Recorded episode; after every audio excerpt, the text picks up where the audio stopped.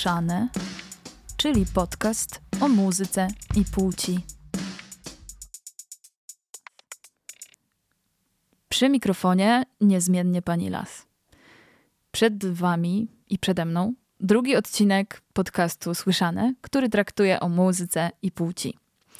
Ale zanim przejdziemy do mięsa, do soczystej zawartości, którą Wam dzisiaj przygotowałam, chciałam bardzo podziękować za Wasze wiadomości, które przysyłaliście na maila.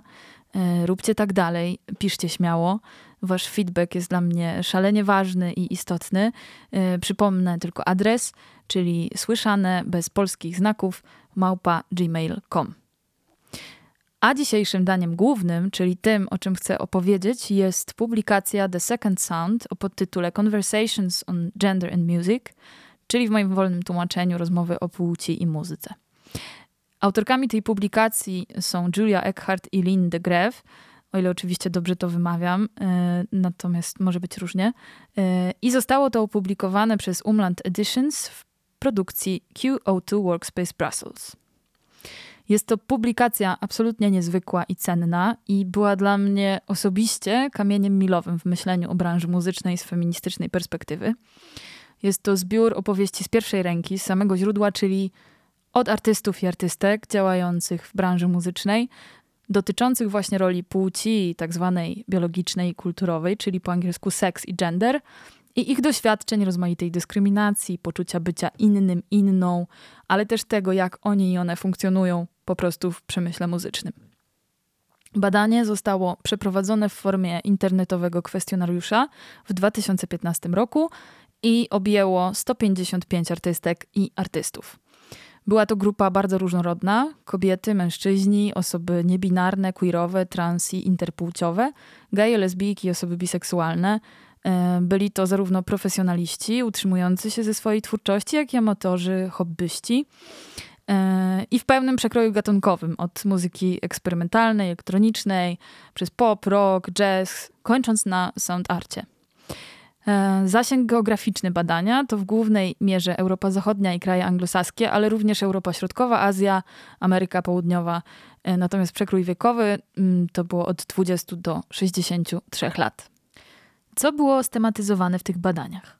Po pierwsze, wciąż żywy i uniwersalny paradygmat heteroseksualnego mężczyzny z właściwymi mu wartościami i reprezentacją, wobec którego kobiety i inne osoby e, pełnią właśnie funkcję innego, innej. Z drugiej strony, muzyka i sound art jako takie, e, w jakiej są relacji z płcią twórczyń i twórców i czy w feministycznym nad nimi namyśle może chodzić o coś więcej niż tylko sprawiedliwą i równą reprezentację. Dodatkowo sama branża muzyczna, jej struktury, mechanizmy, rynek pracy, networking i widoczność oraz na koniec pomysły na zmiany w stronę większej inkluzywności. I co się okazało?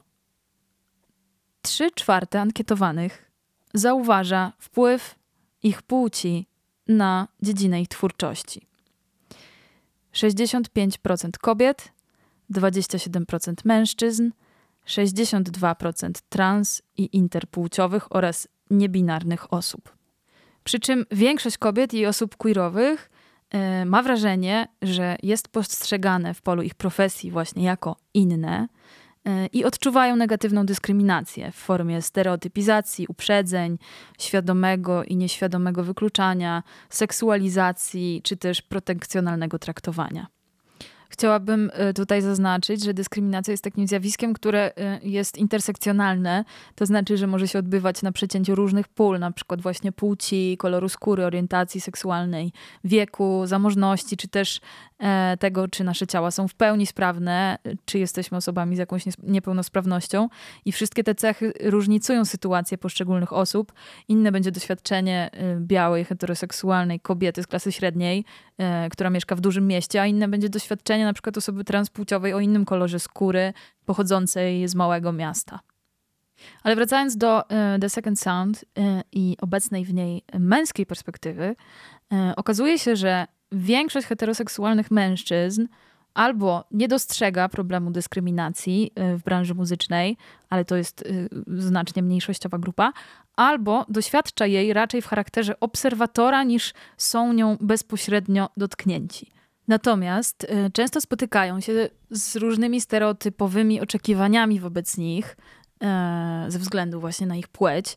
Przypomnijmy, że patriarchat, w którym żyjemy i funkcjonujemy, E, uciska nie tylko kobiety e, i osoby queerowe. Dotyka także mężczyzn, którzy w naszej kulturze mm, mają nad sobą e, wiele skonstruowanych różnych pomysłów na temat tego, jak prawdziwy mężczyzna powinien wyglądać, albo jak się zachowywać, jaki powinien być. Tych stereotypów jest również bardzo dużo. No i artyści, którzy wypełnili ten kwestionariusz, wzięli udział w badaniu, E, zgłaszali właśnie a propos takich e, stereotypowych oczekiwań wobec nich jako mężczyzn, e, takie oczekiwania, że będą brutalni, dominujący, silni, pewni siebie, stanowczy, mm, albo że będą chcieli być kontrowersyjni. Doświadczali także seksualizacji jako osoby występujące na scenie, mm, a także takiego swoistego zdziwienia, na przykład tym, że są wrażliwi albo że są feministami. I jedynie 10% badanych cis mężczyzn uważało, że płeć nie ma żadnego znaczenia w ich działalności muzycznej. Więc pomimo, a może właśnie dzięki temu, że dyskryminacja płciowa nie dotyka ich bezpośrednio w tak wielkim stopniu, są jej bardzo dobrymi obserwatorami. I myślę, że to stwierdzenie jest bardzo intuicyjne i prawdziwe. No cóż, jeśli są wśród Was słuchających mężczyźni, możecie zadać sobie to pytanie, czy uważacie, że kobiece czy też queerowe artystki e, mogą liczyć na jednakowe traktowanie, e, nawet jeżeli nie macie takiej perspektywy e, z wewnątrz branży muzycznej, e, no to chociażby ze strony publiczności. Czy e, na przykład kryteria, którymi e, ocenia się artystów i którymi ocenia się artystki, są jednakowe? No bo wydaje się, że jednak y, niekoniecznie.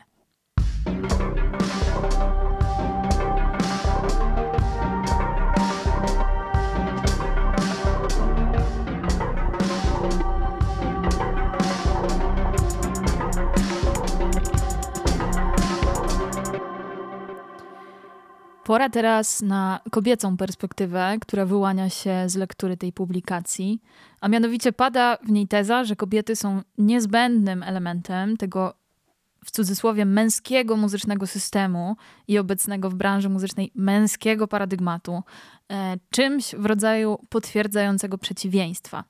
Przez to kobiety znajdują się w niezwykle trudnym położeniu. Z jednej strony e, przed nami jest taka próba e, bycia taką samą jak nasi koledzy muzycy, e, czyli mówiąc inaczej, one of the boys. Chcemy być w klubie, chcemy być równo traktowane, traktowane tak samo jak mężczyźni, a jednocześnie jesteśmy w tej funkcji bycia tą inną, no bo nie jesteśmy mężczyznami.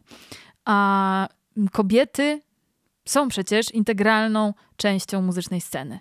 Nie tak dawno, y, jeszcze w latach 90. czy, czy 2000, y, kobiety, y, jeśli chodzi o branżę muzyczną, były zdecydowanie bardziej postrzegane jako słuchaczki niż twórczynie, albo jako członkinie chórków męskich zespołów występujące w teledyskach, albo fanki jeżdżące za zespołami w trasy. E, jeśli artystki, to raczej wokalistki niż instrumentalistki, częściej w folku e, i popie niż w jakimś innym gatunku. A jeśli już instrumentalistki, to grające raczej na instrumentach klawiszowych albo ewentualnie na gitarze akustycznej, ja coś o tym wiem, bo, bo, bo gram na klarnecie basowym i jakbym dostawała dychę za każdym razem, kiedy ktoś się zdziwił na mój widok z tym instrumentem, bo to przecież taki duży, męski instrument i tak nisko gra, mm, no to mogłabym sobie kupić dużo stroików do tego bas klarnetu. Okazuje się, że wiele przejawów tej dyskryminacji, której doświadczają kobiety w środowisku muzycznym, jest nie wprost. Są jakby ukryte, zawoalowane, niewypowiedziane, a przez to trudne do jakiegokolwiek skonfrontowania czy też zwalczenia. No i mowa tutaj o wszechobecnych żartach i dowcipach, e, protekcjonalnym traktowaniu, e, na przykład a propos różnych technicznych kwestii, podłączania kabli e, i tak dalej, komentowaniu zupełnie pozamuzycznych kwestii, czyli na przykład wyglądu, czy też preferencji seksualnych, a także o wykluczaniu, ignorowaniu, czy też pomijaniu. E, I pozwolę sobie tutaj przytoczyć kilka konkretnych sytuacji, czy też zjawisk, o których artystki pisały, e, takie, z którymi e, rezonują także moje osobiste doświadczenia. Na przykład takie poczucie, że jeśli gram na instrumencie, to muszę na nim grać jak mężczyzna. Cokolwiek to oczywiście znaczy. A co najmniej uzyskać taką recenzję, że gram za dobrze jak na dziewczynę. Zrobię jeszcze jeden przypis y, do patriarchatu, y, takie zdanie z gwiazdką, y, ponieważ kobiety dorastają od najmłodszych lat otoczone rozmaitymi stereotypami płciowymi, to niestety dzieje się tak, że wiele z nas te negatywne przekonania internalizuje. One się podświadomie w nas wdrukowują mm, i w ten sposób też między innymi powstaje taka e, postawa kobiet e, określona jako strażniczki patriarchatu, czyli kobiety, które odrzucają feminizm, twierdzą, że on jest czymś złym, zupełnie niepotrzebnym i szkodliwym. I potem, żeby przełamać te stereotypy na zewnątrz, na scenie na przykład, albo odbierając to, co się na tej scenie dzieje, trzeba wykonać wewnętrzną, ciężką robotę z własnymi e, mizoginistycznymi przekonaniami. No i tak też było ze mną, ja w toku swojego dorastania na przykład. Zawsze twierdziłam, że wolę trzymać z chłopakami niż z dziewczynami, bo dziewczyny są jakieś takie mniej fajne z różnych względów. Teraz jak na to patrzę, to widzę, że to było po prostu moje wewnętrzne poczucie, że kobiety są gorsze od mężczyzn.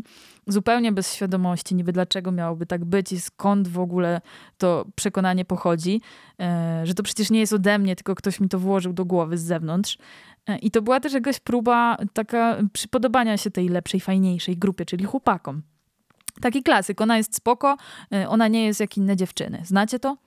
No, na szczęście e, wypranie sobie umysłu z tych potwornych naleciałości jest absolutnie możliwe, czego ja jestem osobiście przykładem, aczkolwiek takim przykładem in progress, bo to jest tak naprawdę niekończąca się przygoda i, i, i te wszystkie różne stereotypy, które mamy wdrukowane, one się w nas odzywają czasami w najmniej oczekiwanych momentach i chcianych, więc praca jest do wykonywania cały czas.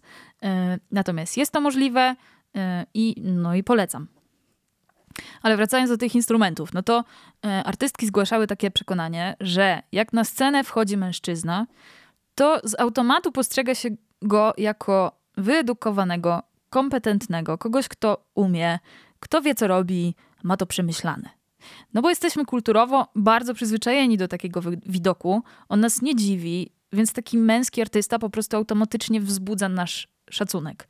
Natomiast kiedy na scenę wchodzi kobieta, to ona startuje z takiego miejsca, że musi te wszystkie rzeczy udowodnić, że umie, że wie co robi, że jest to przemyślane i że zasługuje na szacunek.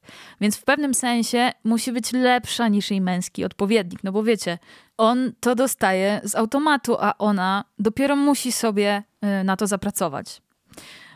Nie ma absolutnie żadnych podstaw do twierdzenia, że kobiety biologicznie jakoś, czy ze względu na swoją budowę, czy cokolwiek innego, mają mniejsze zdolności muzyczne i, i gorzej grają na instrumentach. Po prostu nie ma takiej podstawy.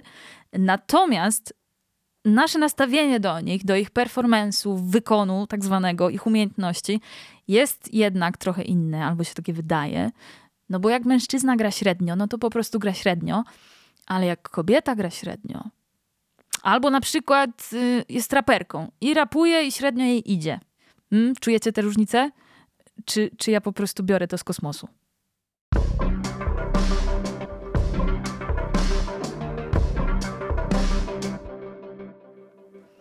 Albo są jeszcze takie sytuacje, e, w których wybrzmiewa założenie, że to niemożliwe, żeby moja twórczość była samodzielna. Kilkakrotnie e, spotkały mnie sytuacje po koncertach Pani Las, która jest projektem elektronicznym, e, a muzyka elektroniczna wciąż jest mocno postrzegana jako zdominowana przez mężczyzn. W każdym razie po kilku koncertach była taka sytuacja, że podchodzili do mnie mężczyźni i pytali mnie, kto mi robił muzę albo kto mi to miksował. No i na odpowiedź, że robiłam to sama, widziałam bezbrzeżne zdziwienie na ich twarzach. A była też taka sytuacja, że podszedł do mnie koleś po spektaklu teatralnym, w którym grałam muzykę na żywo i po prostu nie mógł w to uwierzyć, że tę muzykę zrobiłam sama i bardzo mnie o to dopytywał z niedowierzaniem. No i to są przykre sytuacje, bo właściwie co można wtedy powiedzieć? Ej, typie, ogarnij się, dlaczego niby uważasz, że nie mogłam tego zrobić sama? Mm, pewnie tak pewnie to byłaby dobra odpowiedź. Jak wiadomo, najlepsze riposty przychodzą po czasie.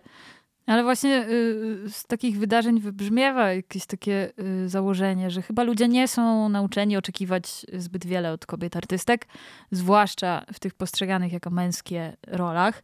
Jeśli już robią coś naprawdę super, to pewnie ktoś im pomagał, e, pewnie nie zrobiły tego same.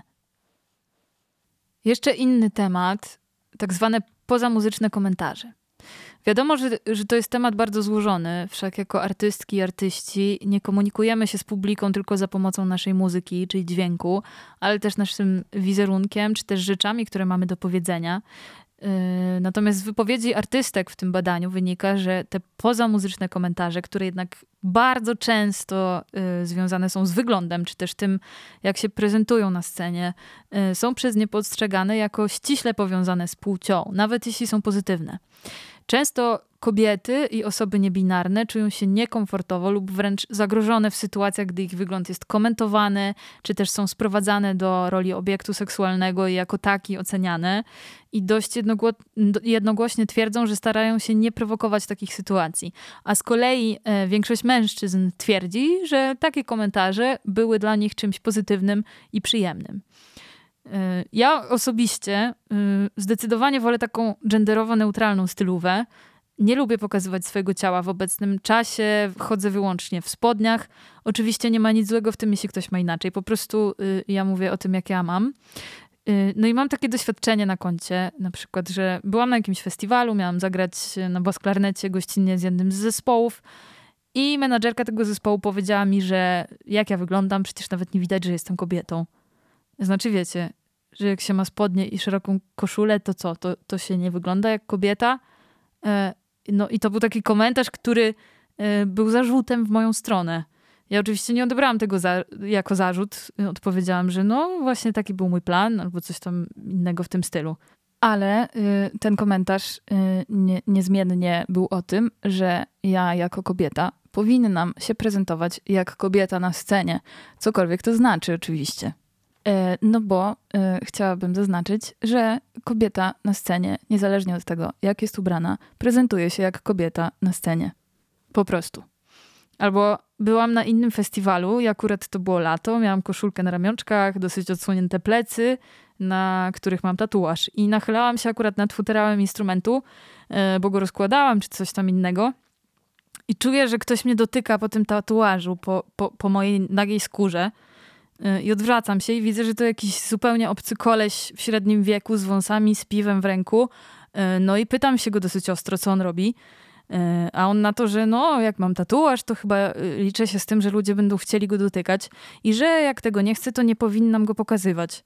No takie klasyczne dziaderskie gadanie pod tytułem sama się prosiła, sama tego chciała. Na szczęście ten typ miał ze sobą jakichś bardziej ogarniętych kolegów, którzy go po prostu ciągnęli na bok, bo sytuacja zrobiła się dosyć zaogniona. E, ja już wtedy miałam w sobie gotowość, żeby iść na ostro. E, no ale to, to, to jest też niestety taka prawda, że żyjąc w Polsce i żyjąc w naszej kulturze i y, mając ciało, które jest postrzegane jako kobiece, po prostu jesteśmy na maksa narażone na tego typu y, ataki, komentarze, niechciane dotyki i tak dalej. I dodając do tego jeszcze fakt, że jako artystki występujemy na scenie z jakichś niezrozumiałych dla mnie powodów, powoduje z powodów powoduje. Z jakichś niezrozumiałych dla mnie powodów ten fakt sprawia, że niektórzy mężczyźni, niestety najczęściej, czują się w jakiś przedziwny, pokrętny, obrzydliwy sposób uprawnieni do takich akcji. Olo się tak sobie właśnie pomyślałam, że, że, że, temat y, naszych ciał, tego jak, jak one wyglądają, jakich są rozmiarów, jaki mają kolor skóry, i w ogóle też y, no, y, takie przekonanie, że te nasze ciała nigdy nie są wystarczająco dobre i zawsze y, mogłyby wyglądać lepiej. Oczywiście cokolwiek to znaczy, bo te wszystkie kanony są totalnie arbitralne i w ogóle no, faktem też jest, tak, jest to, że te różne kanony piękne, one współistnieją ze sobą jednocześnie, więc z jednej strony masz być chuda a z drugiej strony masz mieć pełne kształty, e, nie możesz być taka, ale jednocześnie musisz być inna, a nie da się tych wszystkich standardów spełnić oczywiście. E, nie będę y, się na ten temat rozwijać, bo też nie jestem ekspertką w tym temacie i, i, i są osoby, które e, wykonują wspaniałą pracę na rzecz właśnie tematu ciał gdzieś tam w przestrzeni publicznej. W tym temacie bardzo Wam polecam podcast Wingardium y, Grubiosa. Uwielbiam jest bardzo merytoryczny, bardzo ważny. Y, naprawdę poświęćcie trochę swojego cennego czasu. Y, nie pożałujecie. Mm. Natomiast no, pewnie większość z Was jest też użytkowniczkami i użytkownikami social mediów i Instagrama, więc w ostatnim czasie gdzieś tam przetoczyła się przez Instagram burza właśnie na temat e, promocji brzydoty. E, oczywiście mówię to w cudzysłowie. Jedna z pań, która ma dosyć duże zasięgi na Instagramie, wystosowała taki post właśnie, że, że, że nie rozumie trochę tej, tej promocji brzydoty i zwykłości i, i po co być zwykłym, jak można być wspaniałym. To jest jakaś tam moja wolna interpretacja, bo też jakoś nie, no nie mam ochoty, wiecie, też tego przytaczać słowo w słowo, bo to, e, no bo to jest bez sensu.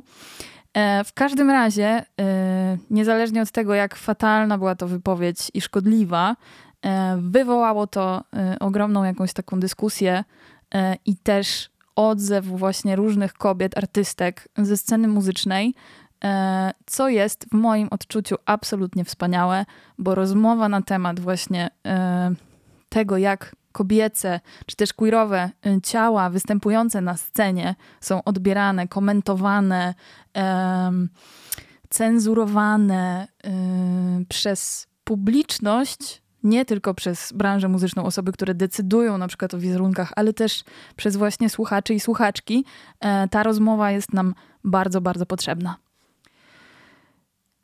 I długo zastanawiałam się, y, czy o tym powiedzieć, czy nie. Bo, bo, bo jest też w, w, tym temacie mój taki bardzo osobisty, prywatny kontekst.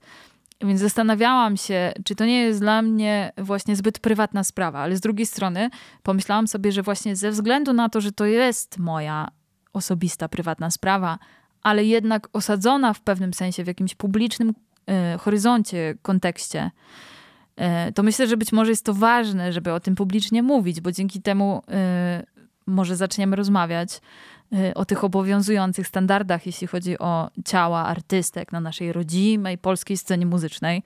Y, no i właśnie teraz jakby to się dzieje, możemy to y, obserwować i jestem tym absolutnie zachwycona. Więc też tym bardziej jakoś tam czuję, że, że, że czuję się zachęcona, żeby też dorzucić gdzieś tam swój głos do tego wielogłosu, który jest nam bardzo potrzebny. A mianowicie, no, mój temat jest taki dosyć banalny, ale też wiem, że, że wiele osób się, się z tym zmaga. Mm, wiecie, no, y, ja się szykuję do wydania debiutanckiej płyty. Prawdopodobnie zostanie ona y, wypuszczona na początku przyszłego roku.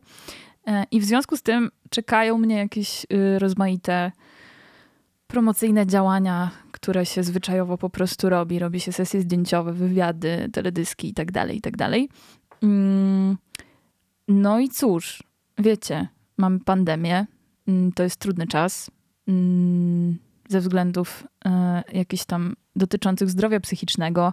E, też ja jakoś mocno doświadczyłam tego na własnej skórze, ponieważ gdzieś tam będąc artystką, utrzymującą się tylko z mojej pracy artystycznej, e, z dnia na dzień straciłam na długi czas możliwość zarobkowania. To nie są rzeczy, które się przyjmuje łatwo, a jeszcze biorąc pod uwagę globalne zagrożenie, no to jakby nikogo nie, nie, chyba to nie dziwi. No wszyscy wiemy, wszyscy, wszystkie i wszyscy y, wiecie i czujecie, że to był po prostu mega trudny czas. E, no i zresztą nadal jest, bo to nie jest tak, że pandemia już zniknęła i jej nie ma. E, jakoś tam wracamy do normalności, wracają koncerty i tak dalej. W każdym razie moje ciało zmagające się z pandemią, zmagające się z też różnymi jakimiś tam zdrowotnymi historiami, E, jest obecnie e, większe niż było wcześniej. I to jest fakt. E, absolutnie nieistotna jest żadna skala, czy rozmiarowa, czy kilogramowa, bo to nie o to chodzi. To, o czym chcę powiedzieć, to o takim moim wewnętrznym poczuciu, że orety, ja teraz mam wejść gdzieś tam w przestrzeń publiczną, ja, moja twarz, moje ciało i wystawić się na ocenę publiczności.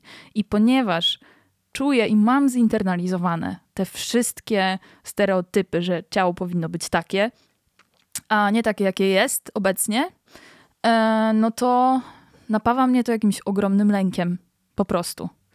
E, I jakimś takim e, poczuciem, że to moje ciało, które teraz wygląda jak wygląda, mm, na to nie zasługuje. I wiecie, jest we mnie taki głos, który zamiast martwić się o to, żebym właśnie dbała o to ciało, dobrze się odżywiała, zażywała jakiegoś ruchu e, fizycznego, ale nie po to, żeby schudnąć, tylko po prostu, żeby czuć się dobrze i e, jakby dbać o swoje zdrowie. Jest we mnie głos, który mówi: Musisz iść na dietę. No to jest pojebane, bo moje ciało było super dzielne, poradziło sobie z tym wszystkim, co, co mnie spotkało przez ten czas. I jeszcze myślę sobie tak, że mm, moje ciało, czy w ogóle ciała artystek i artystów występujących na scenie nie są po to, żeby się podobały publiczności. One po prostu są takie, jakie są. I trzeba je przyjmować takie, y, jakimi je widzimy. I już. I, I mówię to do Was i mówię to też do samej siebie, bo to jest temat, z którym ja żyję codziennie y, i się z tym zmagam. Y, I chciałabym, żeby to było dla nas wszystkich łatwiejsze.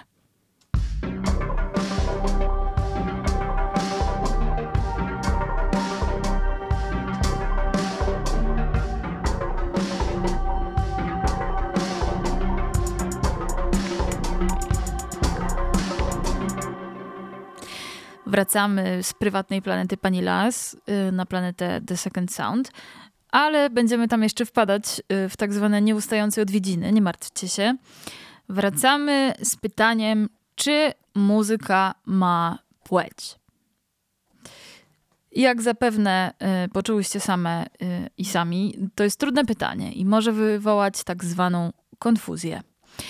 Nie inaczej stało się wśród przebadanych w ramach tej publikacji osób.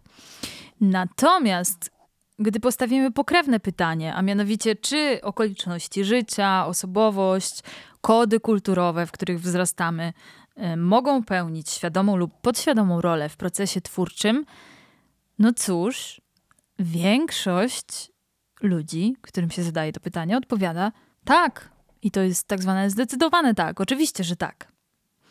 No to teraz pytanie brzmi, czy to się przekłada na płeć? I tutaj mamy różne perspektywy. Na przykład taką, że sztuka przecież ma zdolność przekraczania tak zwanej transcendencji wobec życia twórcy. Więc jesteśmy przecież w stanie wznieść się ponad nasze jednostkowe, osobiste doświadczenie i sięgnąć jakiejś takiej uniwersalnej, ludzkiej perspektywy. Z drugiej strony, taka, że całkowite oderwanie sztuki od tak zwanego życia, czy też wszelkich okoliczności, w jakich sztuka funkcjonuje, e, albo też samo jej odbieranie, percepcja, nie jest ani możliwe, ani też pożądane, e, bo ten pomysł, że sztuka może być całkowicie odarta z jednostkowości i partycypować w jakimś absolutnym obiektywizmie jest dosyć przestarzałą ideą, bo wydaje się, że sztuka jednak odzwierciedla jakoś istniejący porządek społeczny. Nie można też pominąć rozmaitych kontekstów, w których powstaje. Oraz nie bez znaczenia jest sama y, struktura, w tym przypadku akurat branży muzycznej, która jest w pewnym sensie rywalizacyjna i hierarchicznie ustrukturyzowana. No i tutaj zrobimy jeszcze jeden przypis do patriarchatu. Mm, a mianowicie taki, że ta rzekomo uniwersalna, y, transcendentna perspektywa mm, ludzka, no niestety nosi wszelkie znamiona bycia po prostu perspektywą męską. Więc może y, zamiast zastanawiać się, czy kobiety, czy też osoby queerowe robią inną muzykę, grają jakoś inaczej niż mężczyźni, yy, trzeba przyjrzeć się właśnie tym strukturom branży i jej instytucjom. A teraz mięso, yy, tak zwana soczysta zawartość. Yy, to trochę jest ironiczne, bo mówię to jako osoba od ponad 10 lat nie jedząca mięsa, więc może powinnam znaleźć jakieś lepsze określenie to teraz y, farsz z roślin y, strączkowych.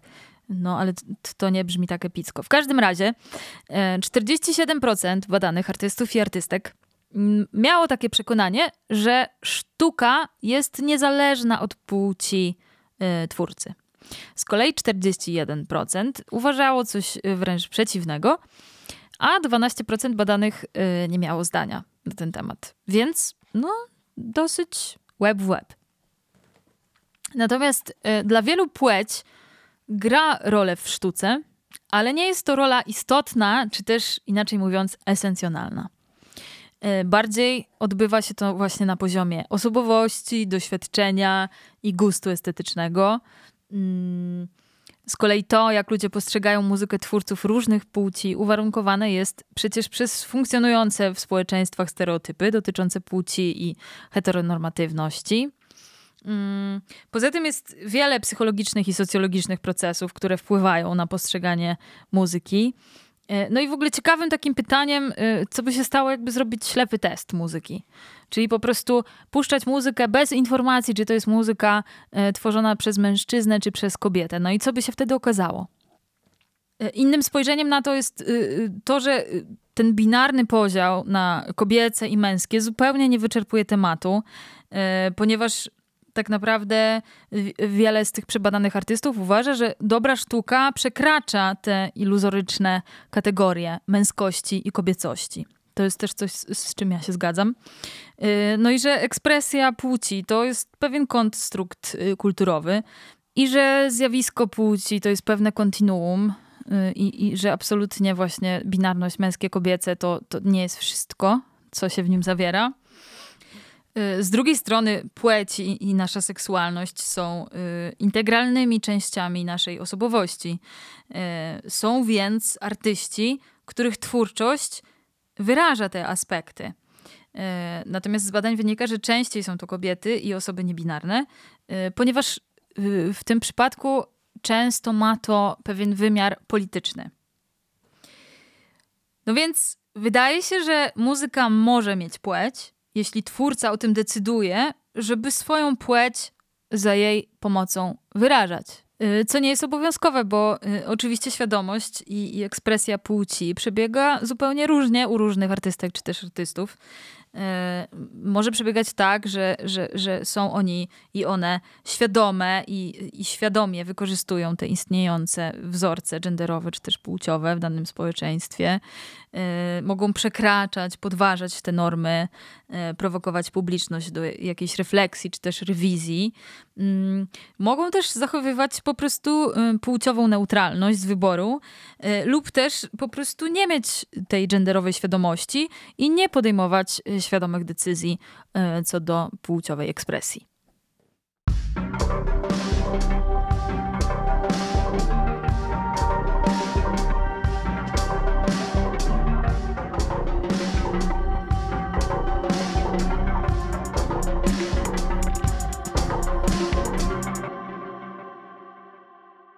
A teraz będą stereotypy.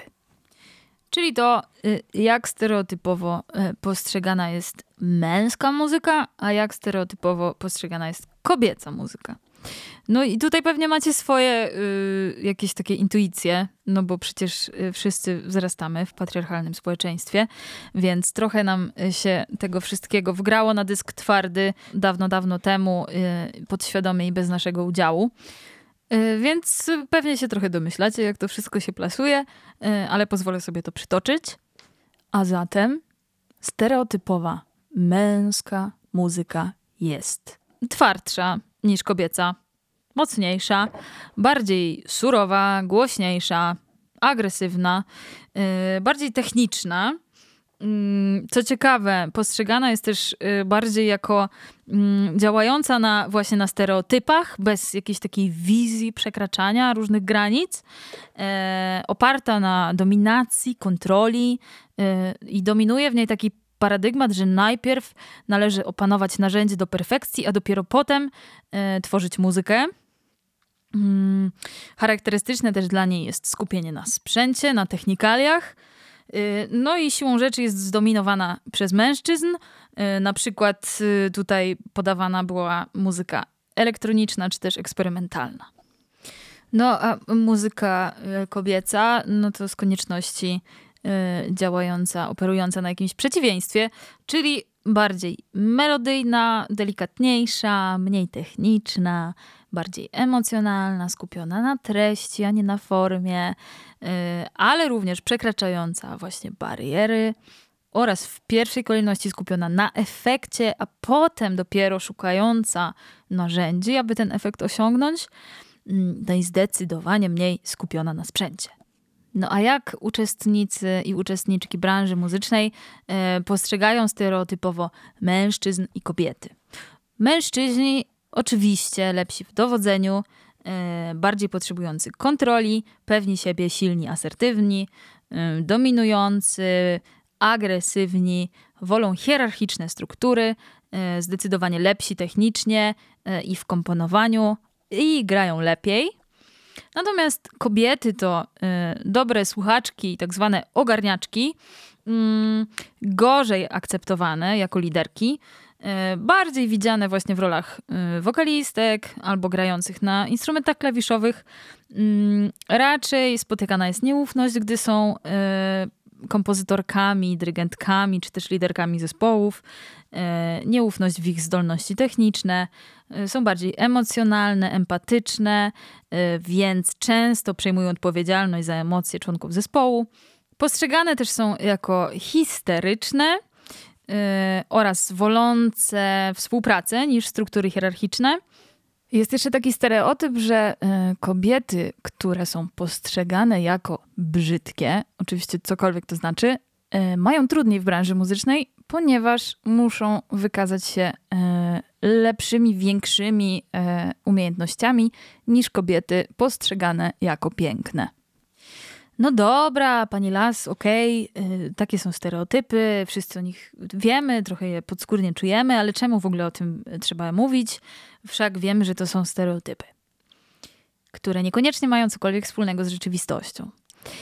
No właśnie, ale to wszystko nie jest takie proste, ponieważ branża muzyczna, jak się okazuje, e, i to wynika też właśnie z relacji przebadanych artystów i artystek w ramach tego badania i publikacji The Second Sound, zbudowana jest w dużej mierze w oparciu o e, relacje międzyludzkie. E, co więcej, utrzymywanie relacji międzyludzkich, praca nad wizerunkiem to jest część naszej pracy artystycznej, a jak wiemy, płeć ma ogromny wpływ na wizerunek artystyczny. E, więc te relacje międzyludzkie, które tworzą branżę muzyczną, czyli relacje między kolegami, e, kuratorami, krytykami muzycznymi, publicznością i tak dalej, jest to wszystko bardzo ważne, a niestety branża muzyczna wciąż jest zdominowana przez mężczyzn. A co to znaczy, że jest zdominowana przez mężczyzn? No bo to tak strasznie brzmi e, i być może e, w niektórych z Was e, powoduje to jakiś opór i, i, i niezgodę. No oznacza to, że z jednej strony mężczyźni są po prostu w ilościowej, znaczącej przewadze w branży muzycznej, a z drugiej strony oznacza to, e, że większość kierowniczych stanowisk, na przykład w wytwórniach płytowych, czy w kierownictwach dużych festiwali, e, ale nie tylko, ale też na przykład e, większość krytyków muzycznych, dziennikarzy muzycznych w naszym kraju, to są mężczyźni. A jeżeli mężczyźni no zresztą nie tylko mężczyźni, my wszyscy dorastamy Y, właśnie w patriarchalnym systemie, który nam implementuje do naszych podświadomości takie, a nie inne stereotypy na temat kobiet w branży muzycznej, no to y, widzicie w tym jakieś, jakieś niebezpieczeństwo, no bo ja tak. No i cóż, i okazuje się, że i mężczyźni, i kobiety mają tendencję do dobierania sobie współpracowników w obrębie ich płci. A jeżeli y, weźmiemy pod uwagę, że tak zwany networking jest najważniejszym czynnikiem w pozyskiwaniu pracy czy też zleceń w branży muzycznej, e, no to niestety okazuje się, że właśnie tworzenie takich networków, czyli takich sieci osób, które znamy, z którymi współpracujemy, które lubimy i tak dalej, jeżeli te networki mają tendencję do upłciowienia, czyli mówiąc krótko, że mężczyźni lubią pracować z mężczyznami, a kobiety lubią y, pracować z kobietami, y, no to biorąc pod uwagę, że wciąż mężczyźni są w większości, to może nam trochę wyjaśnić, dlaczego kobietom jest tak trudno się przebić. Autorki tej publikacji w tym właśnie upłciowieniu networków, czyli tych sieci współpracy, dopatrują się wyjaśnienia takiego mm, paradoksu, czy też może nie paradoksu, ale e, takiej zastanawiającej luki, e, która występuje pomiędzy poziomem e, szkolnym czy też akademickim, a poziomem profesjonalnym, jeśli chodzi o branżę artystyczną, nie tylko muzyczną, ogólnie artystyczną, a mianowicie luki, która polega na tym, że właśnie na poziomie edukacji jest bardzo dużo kobiet, natomiast na, na poziomie profesjonalnym tych kobiet jest znacznie mniej i co się dzieje, jak to się odbywa, że ta liczba tak drastycznie spada. No chociażby z mojego y, klasycznego podwórka na poziomie y, podstawowej szkoły muzycznej jest bardzo wiele klarnecistek. Klarnecistki są w zdecydowanej większości. Ja miałam w swoim życiu taki pięcioletni epizod, kiedy byłam nauczycielką w szkole muzycznej właśnie w klasie klarnetu i na kilkanaścioro moich uczniów i uczennic tylko troje, czy może czworo z nich to, to byli chłopcy, reszta to były dziewczyny. Natomiast jak studiowałam na akademii, no to na przestrzeni pewnie około, nie wiem ile tam nas było, wszystkich klarnecistów, no weźmy sobie między 20 a 30 osób, było nas 4 albo 5, a teraz jakby prześledzić e, na przykład e, zatrudnionych klarnecistów i klarnecistki e, w, w rozmaitych orkiestrach, filharmoniach, operach e, w Polsce, no to mam bardzo silną intuicję, e, że stosunek liczby mężczyzn do liczby kobiet byłby jeszcze bardziej radykalny. E, w tym kwestionariuszu e, zadano też pytanie o sposoby zdobywania tak zwanych jobów, e, czyli zdobywania pracy, zleceń. Mm, no i co się okazało, że ponad 50% pochodzi właśnie z tak zwanych nieformalnych networków. Jedynie 13% bez networkingu, czyli w postaci uczestnictwa w różnych przesłuchaniach, open callach, 11% z formalnych zgłoszeń, na przykład na festiwale, 13% mm, z proaktywnego szukania y, oraz 7% y, z networków, które istnieją online. Więc wniosek nasuwa się sam, że skoro networki są upłciowione, y, a większość prac w branży muzycznej zdobywa się przez networking oraz wciąż w branży muzycznej liczbowo dominują mężczyźni, no to cóż, kobiety mają po prostu trochę pod górkę czyż nie? Ale e, żeby nie kończyć tego wywodu mm, z taką pesymistyczną nutą, e, że mamy ciężko i pod górkę i ojej, ojej, e, no to w The Second Sound znajdziemy też wypowiedzi artystów i artystek, które dają nam pewne kierunki na zmianę na rzecz większej inkluzywności branży muzycznej, o których zresztą już trochę mówiłam w poprzednim odcinku, ale pozwolę sobie ten temat rozwinąć, a mianowicie po pierwsze, edukacja yy, w postaci podnoszenia świadomości o nierównościach i o różnych formach dyskryminacji, które się odbywają w branży muzycznej.